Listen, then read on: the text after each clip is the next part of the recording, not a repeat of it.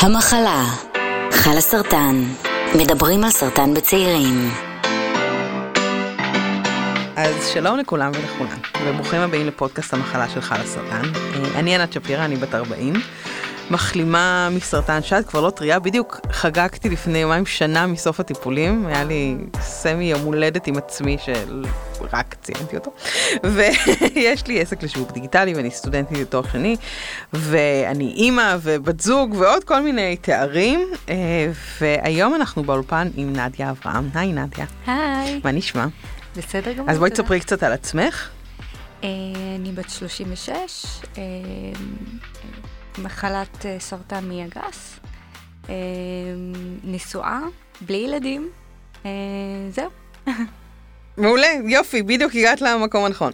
אנחנו מקבלים אנשים עם סרטן. וגם, האמת היא שהיום יש לנו פרק קצת מיוחד, אני חושבת. הוא נוגע לנושא של השאלה תמיד השנייה כזה ששואלים אחרי הסרטן זה, רגע, זה גנטי?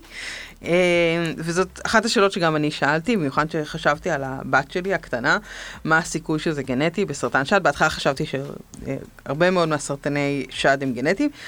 הייתי בלחץ נורא נורא גדול מכל הבדיקות הגנטיות שלוקחות הרבה מאוד זמן, אולי הורשתי לה את זה, ישבתי וחשבתי איך הסיפור שלה משתנה באותו רגע.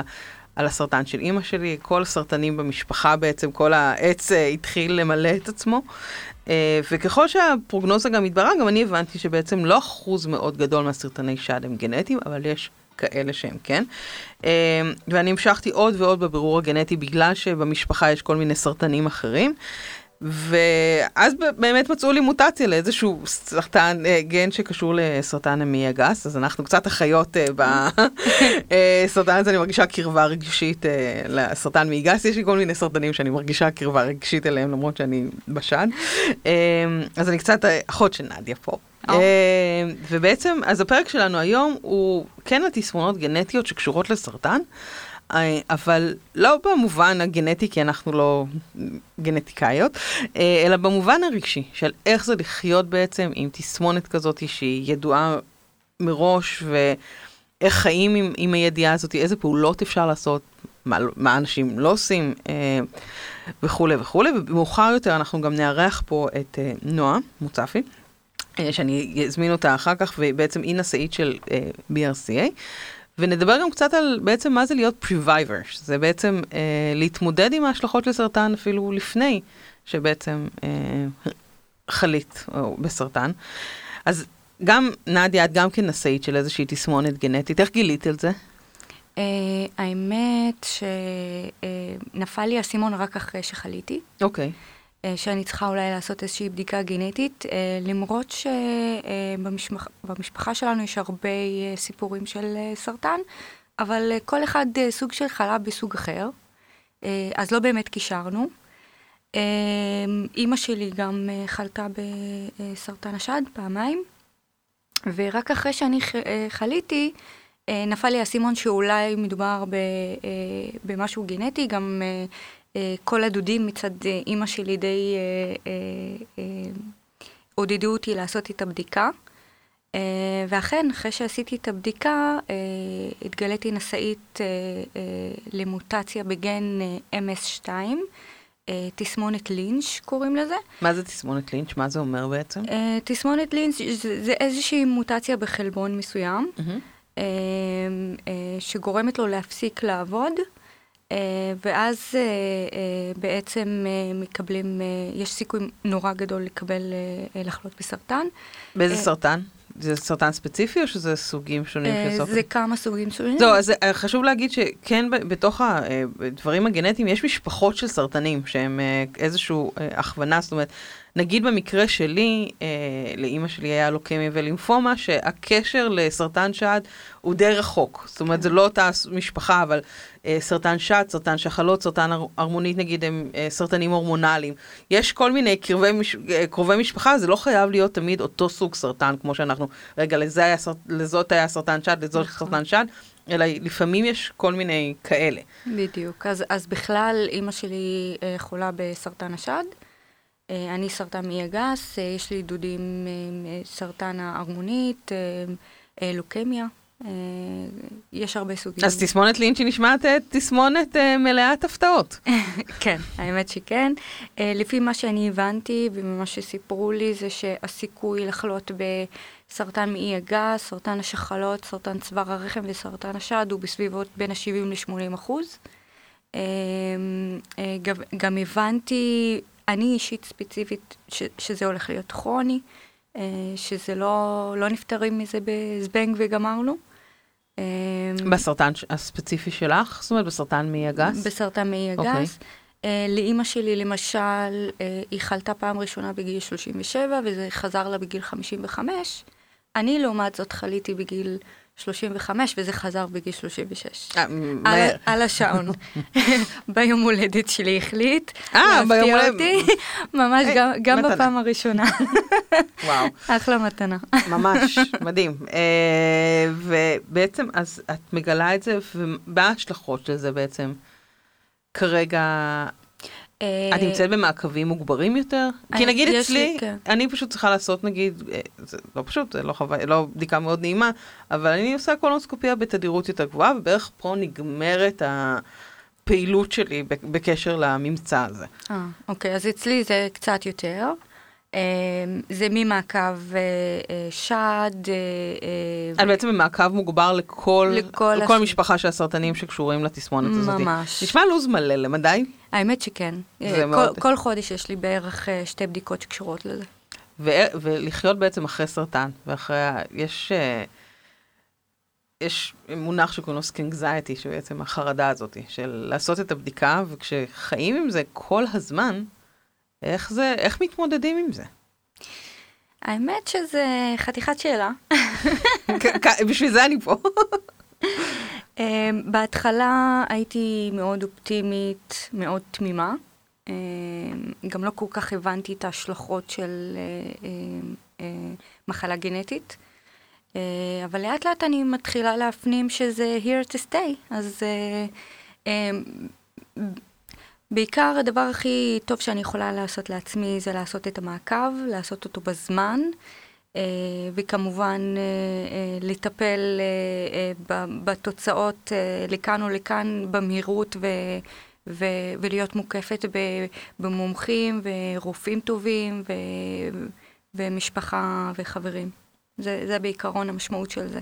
אבל לא להפסיק לחיות לרגע ולא להפסיק, אה, לת, לא לתת לזה לנהל את החיים בשום פנים ואופן. זה, זה אחד הדברים שאני התעקשתי עליהם.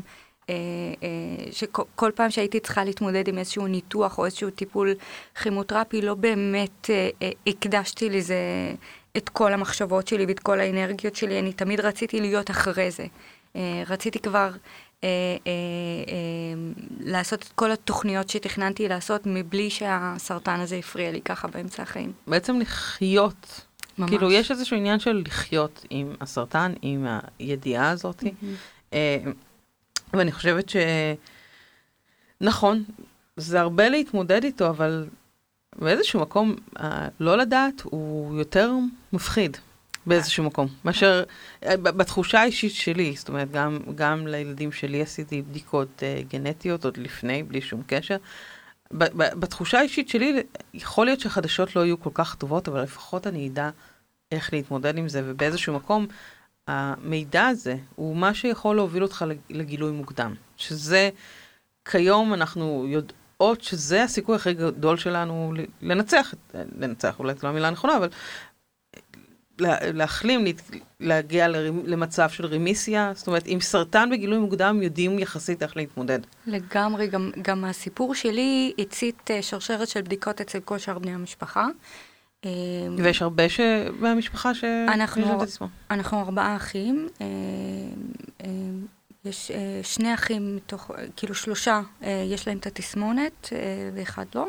אה, הקטנצ'יק לא. איך הם תמיד מתחמקים מהכל, סתם, אני הקטנה, לא התחמקתי מכלום, אבל... אז הקטנצ'יק ניצל, אבל אה, אה, הסנדוויץ' לא, וגם הבכורה לא. אבל למשל, אח שלי, שכן יש לו את התסמונת, בעקבות הבדיקה, גילו לו גוש במעי.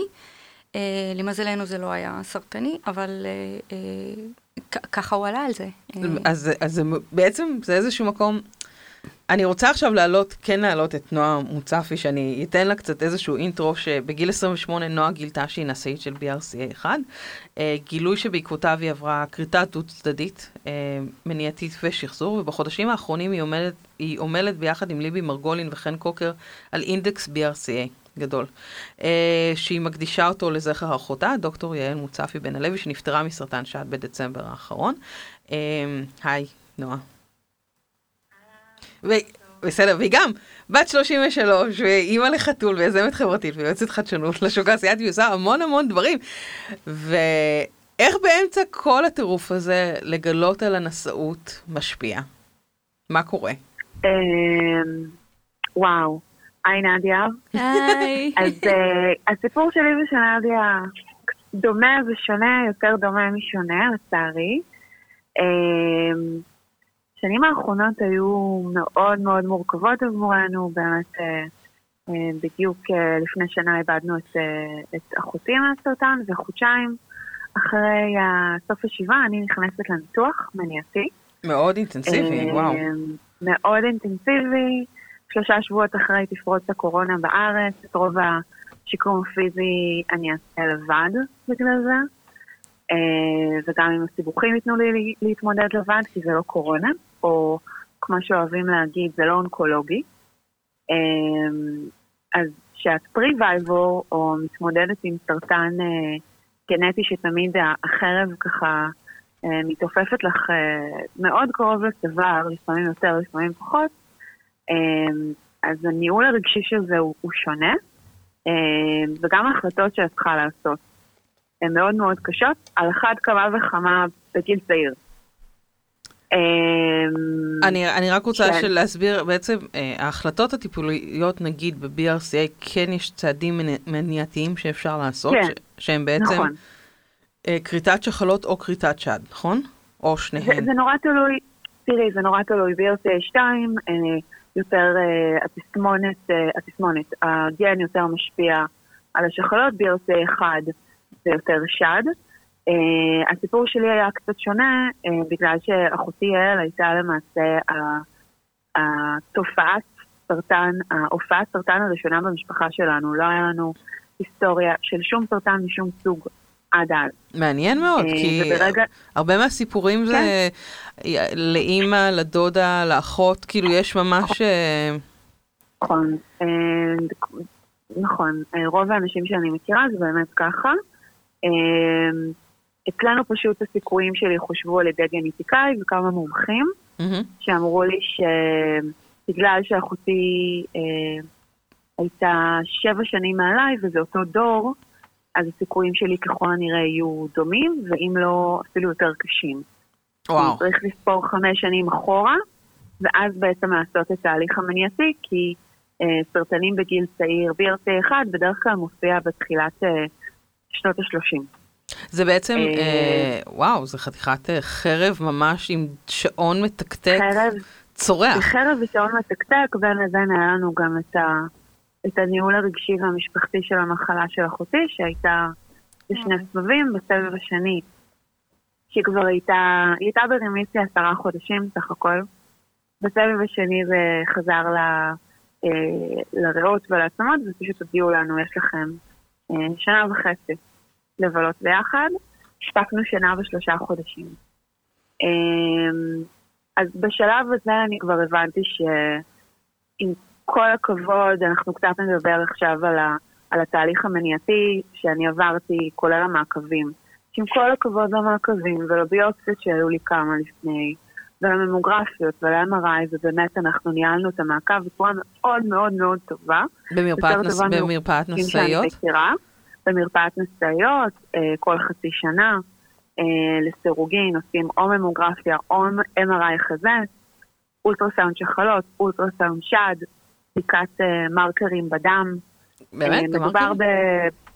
כן, בודקים לך גם מרקרים. מדובר בין לשש-שבע בדיקות שאת עושה אחת אחרי השנייה. איזה... אני חייבת להגיד מילה טובה למרפאה שלי, מרפאת נפצעיות נוגה בשערי צדק, אה, שמי שהקימה אותה דוקטור פינה אה, מור היא אישה מדהימה. אה, והרבה באמת מהרעיון אה, להקים את האינדקס גם נולד בעקבות הסיפור האישי שלה, שאני תכף גם מגיע לאינדקס. כן, אבל אני באה לשאול אותך, רגע, ספרי לנו על האינדקס. כן, כן, בין לבין גם עשיתי מעקב אצל, אה, אצל אה, רופאה בקהילה, אם היה משהו חריג. אז פעם בשלושה חודשים אה, באתי לתת כיף למטפל כלשהו בנוגע לסרטן שלי שלא קיים. מאוד מאוד אינטנסיבי. מצד אחד את מרגישה, אומרים לך, את- צעירה ואת בריאה ואת נשאית בריאה, זו ההגדרה, אבל מצד שני את מרגישה חולה לחלוטין. אמ, בשנה הזאת אני גם פיתחתי מין יחסי אה, שנאה ברורים לחזה שלי, אני פשוט, אני פשוט רציתי שהוא לא יהיה יותר. כמו פצצה מתקתקת כלומר, כזאת? הפצצת, הפצצת זמן הזאת התחילה לתקתק יותר מדי, מהמם. חזק בשבילי. אה, התחלנו לתכנן את הניתוח, פרטי, אה, ובאמת בבדיקות האחרונות לניתוח כבר היו לי ממצאים טרום סרטניים. ואיך אה, הסביבה היה- בעצם מגיבה לבחירה שלך? שבכל זאת? הסב- איך הסביבה מגיבה לבחירה שלך? כי. מדובר פה על גיל צעיר יחסית. המשפחה שלי, אני חושבת, הייתה עם הנחת רווח- רווחה מאוד מאוד גדולה, מהמם. אמ, שהחלטתי לעשות את זה. אחותי דיברה על זה המון. כלומר, אמ, זה תמיד היה על השולחן. אוקיי. זה גם אה, לפעמים נאמר במין אה, אה, דאגה עם קצת כעס של הנה את יודעת, הנה יש דרך להימנע ממה שאני עוברת, תעשי לא את זה. האמת שאני אני את זה. חייבת להודות, כי אני, אני, אני מודה שאולי זה לא הדבר הכי פוליטיקלי קורקט להגיד, אבל כשאני נתקלתי לפעמים בנשאיות, וב- ובסיפור שהוא הוא סיפור קשה וזה החלטות מאוד מאוד מורכבות, כן, שמאוד קשה לעשות אותן מ-state of mind של בריאות. אה, ו- ואני מתוך המקום שלי כאילו אומר, חושבת לעצמי, וואו, אם מישהו רק היה אומר לי, יש את נכון. הפעולה הזאת שאת יכולה לעשות ואת תימנעי מכל הדבר הזה, לגמרי. הייתי עושה את זה. אבל אני חושבת נכון. שמה-state of mind הבריא, נורא נורא קשה לעשות את זה, וכל עוד אנחנו מסתובבים בסביבה שמסתכלת על בריאות או אה. חולי, ולא על כל מה שקורה ביניהם, ואני חושבת שפריווייבר מאוד יושב באמצע של הנישה הזאת, כן. כמו מחלים סרטן, כמו הרבה דברים אחרים שהם הרבה יותר אפורים. קשה לעשות את כן. ההחלטה הזאת, קשה ללכת, למצוא את המוטיבציה לבדיקות וכל הדברים האלה. ענת, אני מסכימה איתך, אה, אני למדתי לחיות בתחום האפור. אני יכולה להגיד לך שברגע שאת מגלה שאת נשאית, ואת מתמודדת עם סרטן משפחתי של חוץ אה, בצורה מאוד מאוד קרובה ואישית וכואבת, אז את נכנסת לתחום האפור בין אם את עושה אה, ניתוח ובין אם לא. את לא רואה, אבל לא נדיה את מהנהנת, לא כל מה שאת. אומרת היא מהנהנת פה. זה ממש אחד את לאחד. כבר לא תהיי בריאה. ברגע שאת מקבלת את את התוצאה, את כבר לא בריאה.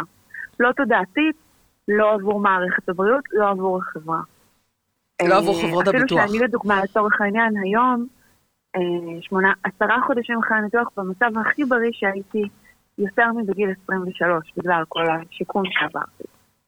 אה, אבל אני מסכימה איתך, זה לא מובן מאליו. אני חושבת שלעבור ניתוח מניעתי הכוונה. אני חושבת שברגע שאת רואה את האלטרנטיבה שלך, אני אגיד את זה בצורה מאוד מנומסת, אבל ברורה, אני בטוחה שנדיה המעניינת, ואנשים יעננו. כולנו. כולנו ברגע מהנהנות. שאת רואה את מהי האלטרנטיבה שלך, והאלטרנטיבה שלי היה לחלות בגיל צעיר, אמ, בטריפל חשוב- חשוב זהו, לציין ש-BRCA אה, מקושר לסרטנים אגרסיביים בסרטן שד. אה, נכון. שלא תמיד מגיבים לטיפול, זאת אומרת, החרב היא חדה מהרגיל. מאוד. כלומר, להגיע לשלב של גילוי מוקדם, אה, של, שאת נשאית של BRCA1 עם, אה, עם 90% לחלות בטריפל נגטיב, זה לא היה אופציה מבחינתי. למרות שהרבה מהנשאיות אה, של BRCA2 או של סוגים אחרים של BRCA1 מוכנות לקחת את הריזיקה הזאת. עבורי זה היה יותר מדי. אז כמו שאמרתי, המשפחה שלי נשמה מרווחה עד כמה שאפשר בסיטואציה הזאתי. אה, הבן זוג שלי גם, אה, החברות הקרובות וכל באמת מי שידע מה עבר אלינו מאוד. מצד שני זה גם מגיע עם, אה, עם הבנה של מה אני הולכת לעבור, שזה לא פשוט. נכון, אנחנו מדברים פה על תופעות. תכף אגיע, אני תכף אגיע לאינדקס מתוך זה. אני חושבת שברגע ש, שגיליתי שאני אה, נשאית, וזה היה בשנה הראשונה, בחצי שנה הראשונה שאחותי חלתה, ועוד היינו מאוד אופטימיים בסבב הזה. המון אופטימיות, משפחתית, אישית, יעל התמודדה על זה בצורה מדהימה. היא כל אה, יום שישי לפני שהיא נסעה לכימו, היא עברה את המחלה אה, בסיום חייה בארצות הברית, היא עשתה שם פוסט-דוקטורט ב-NIH, שהיא הייתה דוקטור לווירוסים, וירולוגית, זה כבר נשמע שילוב אה. מעורר השראה. קצת, אירוני וקצת עצוב שהיא פספסה את הקורונה וקצת היא הייתה עפה עליה. היא גם חקרה תאים וחקרה וירוסים, אז uh, היא הבינה מאוד מאוד טוב מה עובר עליה. אחת העבודה שלה יותר מדי ברצינות. Um, היא כל יום שישי פרסמה שיר על רעל. לפני שהיא נסעה לכימותרפיה שלה, היא עשתה מלא ממים ובדיחות שחורות, כלומר, היה מרגש מאוד, ואפילו מצחיק לפעמים לראות אותה עוברת את זה בסבב הראשון. מי מי- של סרטן, זה גיליתי, מפתח כשאני גיליתי על. הסרטן, אני לא הלכתי לגוגל. כלומר, הדבר הכי מפחיד שאת יכולה לעשות בשלב הזה זה לגגל. אה, BRCA, breast cancer, double mystectomy, את כל התהליכים המניעתיים, התמונות, הסיפורים, הכמות מידע היא. אה, אני חושבת שזה נכון לגבי כל כן. הבחנה. אני מיניתי את הבן זוג שלי, זה אה, מינוי שהחזיק מעמד שלושה ימים, אבל אתה אחראי על ה... כי זה זה נורא נורא מציף, גם בהבחנה עצמה. זה נורא מציף, זה נורא מציף, זה מאוד גרפי, זה נורא קשה. אמ, אין מקום אחד שמלווה אותך, כלומר, עד שאת מבינה בכלל שאת צריכה ללכת למרפאת נסיעות, ובמכבי ובקופות חולים אומרים לך משהו אחר. והיועצים המידע לא והמומחים, כל אחד אומר לך משהו אחר, את פשוט צריכה לעשות את, אה, את החשבון שלך עם עצמך. אמ, ואני באמת נעזרתי בחוכמת ההמונות, מה שנקרא, אני בדגש על ההמונות ולא על ההמונים. אה, חשוב של לציין. ש-BRCA פוגע גם בגברים, והם יכולים להיות נשאים, אבל בסופו של דבר אנחנו רובנו. נשים. נכון, אה, אה, אין ספק, BRCA יש גם גברים נשאים, הם חולים בעצמם, אה, גם בסרטן השד, גם בסרטן ההרמונית, גם בסרטן מעי הגס, באחוזים מאוד מאוד גבוהים, והם גם יכולים להעביר את הגן הלאה לבנות שלהם. כן. אבל אני נעזרתי בחברות, שהן צעירות כמוני, ו... שהכרת אותם בין לפני? זאת אומרת, חלקם הכרתי לפני, אוקיי. את ליבי לדוגמה, היא למדה איתי באוניברסיטת תל אביב, שתינו עבדנו באגודת הסטודנטים, ככה הכרנו, לפני עשר שנים. אה, חלק הכרתי על הדרך אה, משידוכים. של הנה את או אה. היא חולה, בואו תהיו חברות הכי זה- טובות. זה קורה גם, אוי, לדודה שלי היה סרטן. בואי תכירי. אה, רופא אונקולוגי אין, כזה, כן. כולם חושבים שזה נורא מגניב לשדך לך מישהו שהיה לה סרטן. אז דברו על אה, פאות וציצים ופטמות כל היום. אה, עושים גם את זה, עושים כן, גם את זה. נכון. אה, השתמשתי בעיקר בהן. אני חושבת שאם מישהי עוברת אה, תהליך, הליך, אירוע על בשרה ועל משפחתה, יהיו לה את ה... והיא והיא בערך בטווח הגילאים שלי, כי לרוב כשמדברים על סרטן שד או, או ניתוחים מניעתיים, את חושבת על אישה בת 60 ומעלה. נכון, את לא חושבת על מישהי בת כמעט 30. אנחנו לא מתעסקות בדברים האלה בגיל 30. אני הייתי עסוקה בקריירה שלי ובטיסות לאסיה. קיבלתי פרויקט נורא גדול וגרתי בשנגחאי בדיוק בתקופה הזאת, נאלצתי לחזור לארץ בגלל זה, אה, כדי להיכנס לכל הסבבים של המעקב. אה, אני והבן זוג שלי התארסנו. כלומר, את לא חושבת על הדברים האלה. כן. אה, את בטח לא חושבת האם להקפיא ביציות או לא ביציות, או לעשות IVF בברירת עוברים כדי להגיע לשלב שאת יכולה ללדת ילדים בריאים ללא הגן, זה לא, זה לא השלב הזה בחיים. נכון. וזה פתאום הרבה מאוד דברים להתמודד איתם. המון המון המון דברים. ליבי ליוותה אותנו אה, באמת צמוד. אה, היא עברה ניתוח מניעתי אצל פלסטיקאי שגם אני התנסחתי אצלו בסוף. אה, חצי שנה לפניי, היו לה טיפים מאוד מאוד אקטואליים. אה, ואני חושבת שסביב הקורונה, שהמערכת הבריאות פשוט לא עבדה כמו שצריך. נקודה. כלומר, אם את לא היית. חולה אונקולוגית, אם את לא היית חולה אונקולוגית, אם את גם אם תבראת היית חולה אונקולוגית, אני לא... אני לא יודעת, אני יכולה להגיד לך על, בשרי, אה, נשים שעברו כריתה ונזקקו לשיקום מעקב שהוא לא אצל הפלסטיקאי, פשוט לא קיבלו את ה... את ה... את ה-50 אחוז שהן היו צריכות. השאירו אותנו לבד. כן. ובשלב הזה אני התחלתי להיות אה, מאוד פעילה בפורומים למשאיות וחולות, סרטן שד, אה, מתוך תחושת אה, שליחות שכזו. אני חושבת שאם לא היה קורונה זה לא היה קורה, לצורך העניין. ואחרי הניתוח, אני לא עשיתי יציאה מהארון מתוקשרת כמו עם האינדקס, אלא אני פשוט דיברתי על זה. אני, אני הגעתי למסקנה שאנחנו מדברות על רגשי כאן היום. אה, בהתחלה החברים הנורא טובים והמשפחה ידעו, ואז אני הרחבתי את המעגלים. סביב השבעה של יעל כבר לא יכלתי אה, להסתיר את זה יותר, כי זה היה ברור שזה שם, זה היה על השולחן. כל מי שבא לנחם אותי, עדכנתי אותו, שזה גם מה שהולך לקרות. אה, אבל לא דיברתי על זה עדיין, הרגשתי, את מסתובבת עם מין אה, בושה, שאת אפילו לא יודעת מה מקור הבושה. שמדובר בתסמונת גנטית כזאת. וזה גם בושה כפולה, כי את uh, מרגישה שאין לך זכות להתלונן או לדבר על זה, כי לא עברת כימותרפיה, כי לא הייתה לך קרחת. Uh, אבל התהליכים הרגשיים והפיזיים שאת עוברת, בתור ריבייבור, שהיא תמיד שנייה לפני, uh, וכרותת שד, שדיים כמוני, הם עצומים. הם עצומים והם קשים. הם, הם קשים מסוג אחר. נכון, בגלל זה אני חושבת אה, גם, זה אז אחד פשוט מה... החלטתי לדבר על זה. אה, ליבי ואני לאורך חודשים ממש יצרנו מין אה, הודעת וואטסאפ אה, מאוד מסודרת על מה לעשות במעקבים, מה לעשות לפני ניתוח, אחרי הניתוח. באמת ירדנו לפרטים כמו לוגיסטיקה של נקזים וחזיית, אה, רפואיות, ובאמת אוקיי, באמת, ו- באמת ללוגיסטיקה מאוד מאוד מדויקת. וביום כיפור האחרון, שזה היה סוף חודש ספטמבר, באה לבקר אותי חברה מהקבוצה שהבאתי לה באמת את, אה, את שאריות הציוד הרפואי שנשאר לי מהניתוח שלי, נורא, נורא שמחתי להיפטר ממנו. חזייה רפואית, מהמם. שמפו יבש, מה עוד היה שם? באמת הדברים האחרונים שלא חילקתי באהבה. ומצאתי את עצמי יושבת ומדברת איתה שעתיים מתחת לבית שלי, עם מסכה כמובן, והבנתי שהיא לא יודעת הרבה דברים. כלומר, מי שלא זכתה לליווי מאוד צמוד מחברה, לא, לא מכינים אותה כמו שצריך. על אחת כמה וכמה, סליחה שאני אומרת את זה, אם היא מתנתחת בבית חולים ציבורי. הפער בין המידע וההכנה, גם הרגשית, שמספקים לך במרפאות פרטיות אל מול מרפאות ציבוריות, הוא עצום.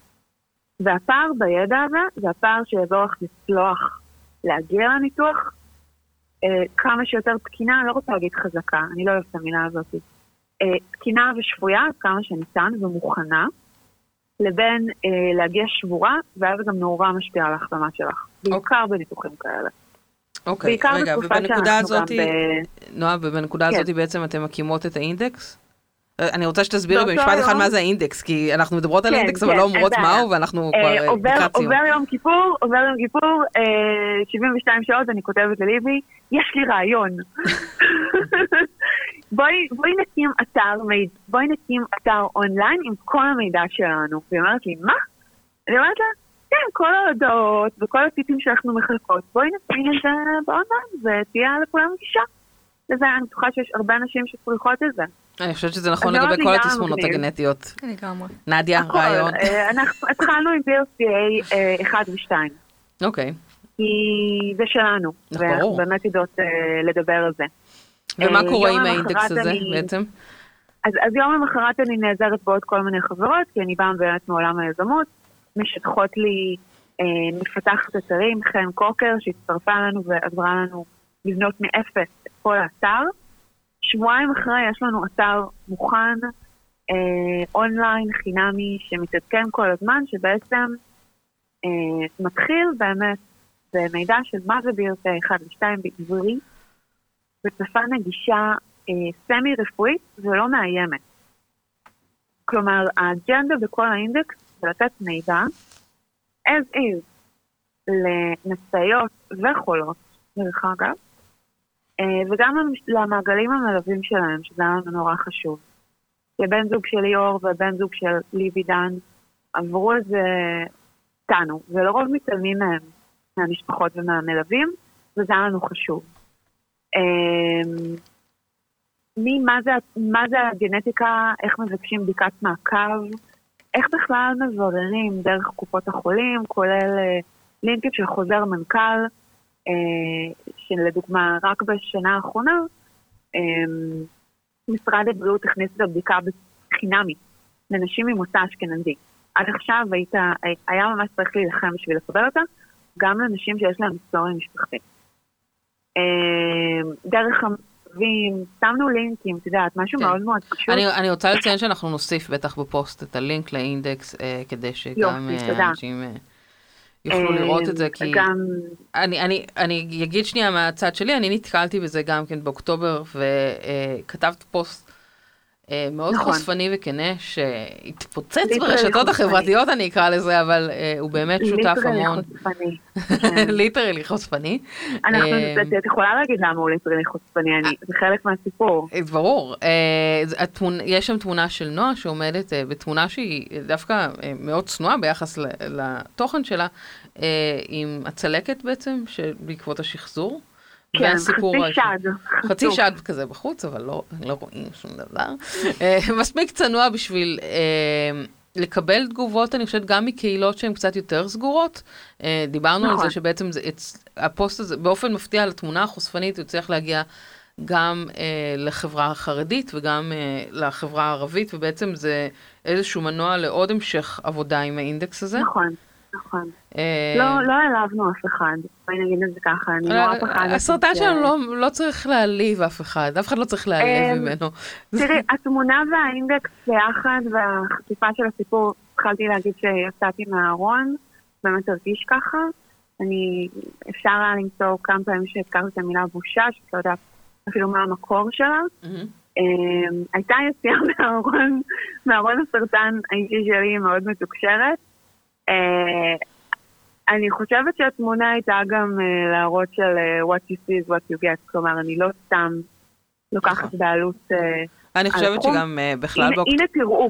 באוקטובר האחרון בכלל היו עוד כמה כן, תמונות של נרמול, נכון. זאת אומרת היה שער של אילון עופר בלאישה. של אילון עופר. שגם ש- כן... שדרך אגב, אני חייבת להגיד, השער של אילון עופר נתן לנו המון המון תנופה, פרסמנו את זה באותו שבוע, אבל אני רוצה לציין שאת התמונה הזאת ואת כל ה... הפקה סביבה צילמנו הרבה לפני, אה, וזה שימח אותי שאנחנו על אותו קו. אבל זה, אבל זה בדיוק העניין, שיש איזשהו נרמול של תופעה מסוימת. ושל כן. התמודדות כן, מסוימת. נרמול אה, שיח. אז, שמאוד אז... מאוד עוזר, וזה חלק מהסיבה ללמה אנחנו עושות את הפרק הזה, כדי גם להכיר בהתמודדות של previvors, ושל מה זה לחיות בצורה הזאת, כי החברה נורא מסתכלת על סרטן כאבחנה סופר דרמטית וריצת מרתון בסוף, וכל מה שקורה באמצע הוא כאילו לא, לא קיים, ונורא נורא יודעת. חשוב לדבר על זה. כן. אז, אז באמת כל מה שמפורט באינדקס, זה כל מה שקורה בין לבין, בדיוק כמו שאת אמרת. אוקיי. Okay. ואנחנו לא נכנסות שם להליכים רפואיים as is, אני גם חושבת שזה לא, זה לא, לא מתפקידנו, וזה מסוכן לעשות את זה. נכון. לכו לקבל מידע רפואי מאנשים שמבינים ברפואה. אה, כן, לכל אחד יש את הרופא שלו, את הפלסטיקאי שלו, את האונקולוג שלו, את הכירורג שד. יש בארץ באמת מומחים מדהימים בתחומם, אני חייבת להגיד. ומומחיות. אה, מומחים ומומחיות, לי הייתה אה, כירורגית שד ופלסטיקאי לצורך העניין. יש צוותים נשיים בכלל, זה מדהים, אני אשמח לראות יותר. אני מניחה שאנשים גם יבינו אותנו יותר. כן. אמ, אני גם חושבת שהריכוז מידע, מעבר לתהליכים הרגשיים שעברנו וללוגיסטיקה, קיבלנו פידבקים הכי טובים מדבר מאוד מאוד פשוט, צ'קליסט, שעשינו אה, לנשים שיורידו לפני הניתוח מה הן צריכות להביא ולא להביא, או כן. להכין ולא להכין. וואי, זה מעולה. ריכוז מידע, ריכוז מידע של כל המרפאות מסייעות בארץ במקום אחד. ריכוז מידע של כל העמותות והפורומים שמתעסקים בסרטן שד גנטי ולא גנטי במקום אחד. נכון, הנגשה אה, של מידע וחלק כן, חשוב מאוד כן, מאוד מהשיח. אה, בתור יזמת, אה, מישהי שעבדה עם יזמים המון שנים, זה התחום שלי, יותר לכיוון מזרח אסיה, לא בארץ אף פעם, אבל עדיין זה לפעמים לתזמור, אה, וכל תגובה שנייה על האינדקס מעבר לכמה אני אה, אמיצה, שעשיתי אותו. את לא משפיעה, לא... אה, הגבורה שלך פה בחדר, סתם, סתם, אני צוחקת, אני צוחקת. ניסיתי להבין, ניסיתי להבין, את יודעת, כשאמרו לי שאני אמצא, ניסיתי להבין אם זה- התמונה, זה האינדקס, זה הכנות, אני אף פעם לא באמת הצלחתי להבין את המושג הזה, אבל לכולם אמרתי תודה. אמ, אז לא לא הצלחתי להבין אם זה זה, או פשוט כי הרבה אנשים אמרו לי, אלה שלא אמרו לי שאני אמיצה כמובן, אמרו לי, וואו, כמה היה צריך את זה.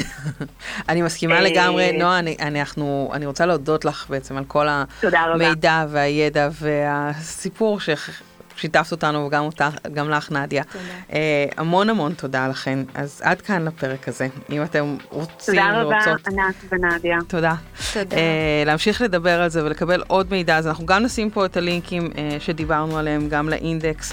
תפנו אלינו בעמוד פייסבוק או באינסטגרם, אה, או לכתוב לנו בקבוצות, ואנחנו נהיה כאן שוב בפרק הבא, ועד אז תהיו בריאים ובריאות. תודה לכם ממש.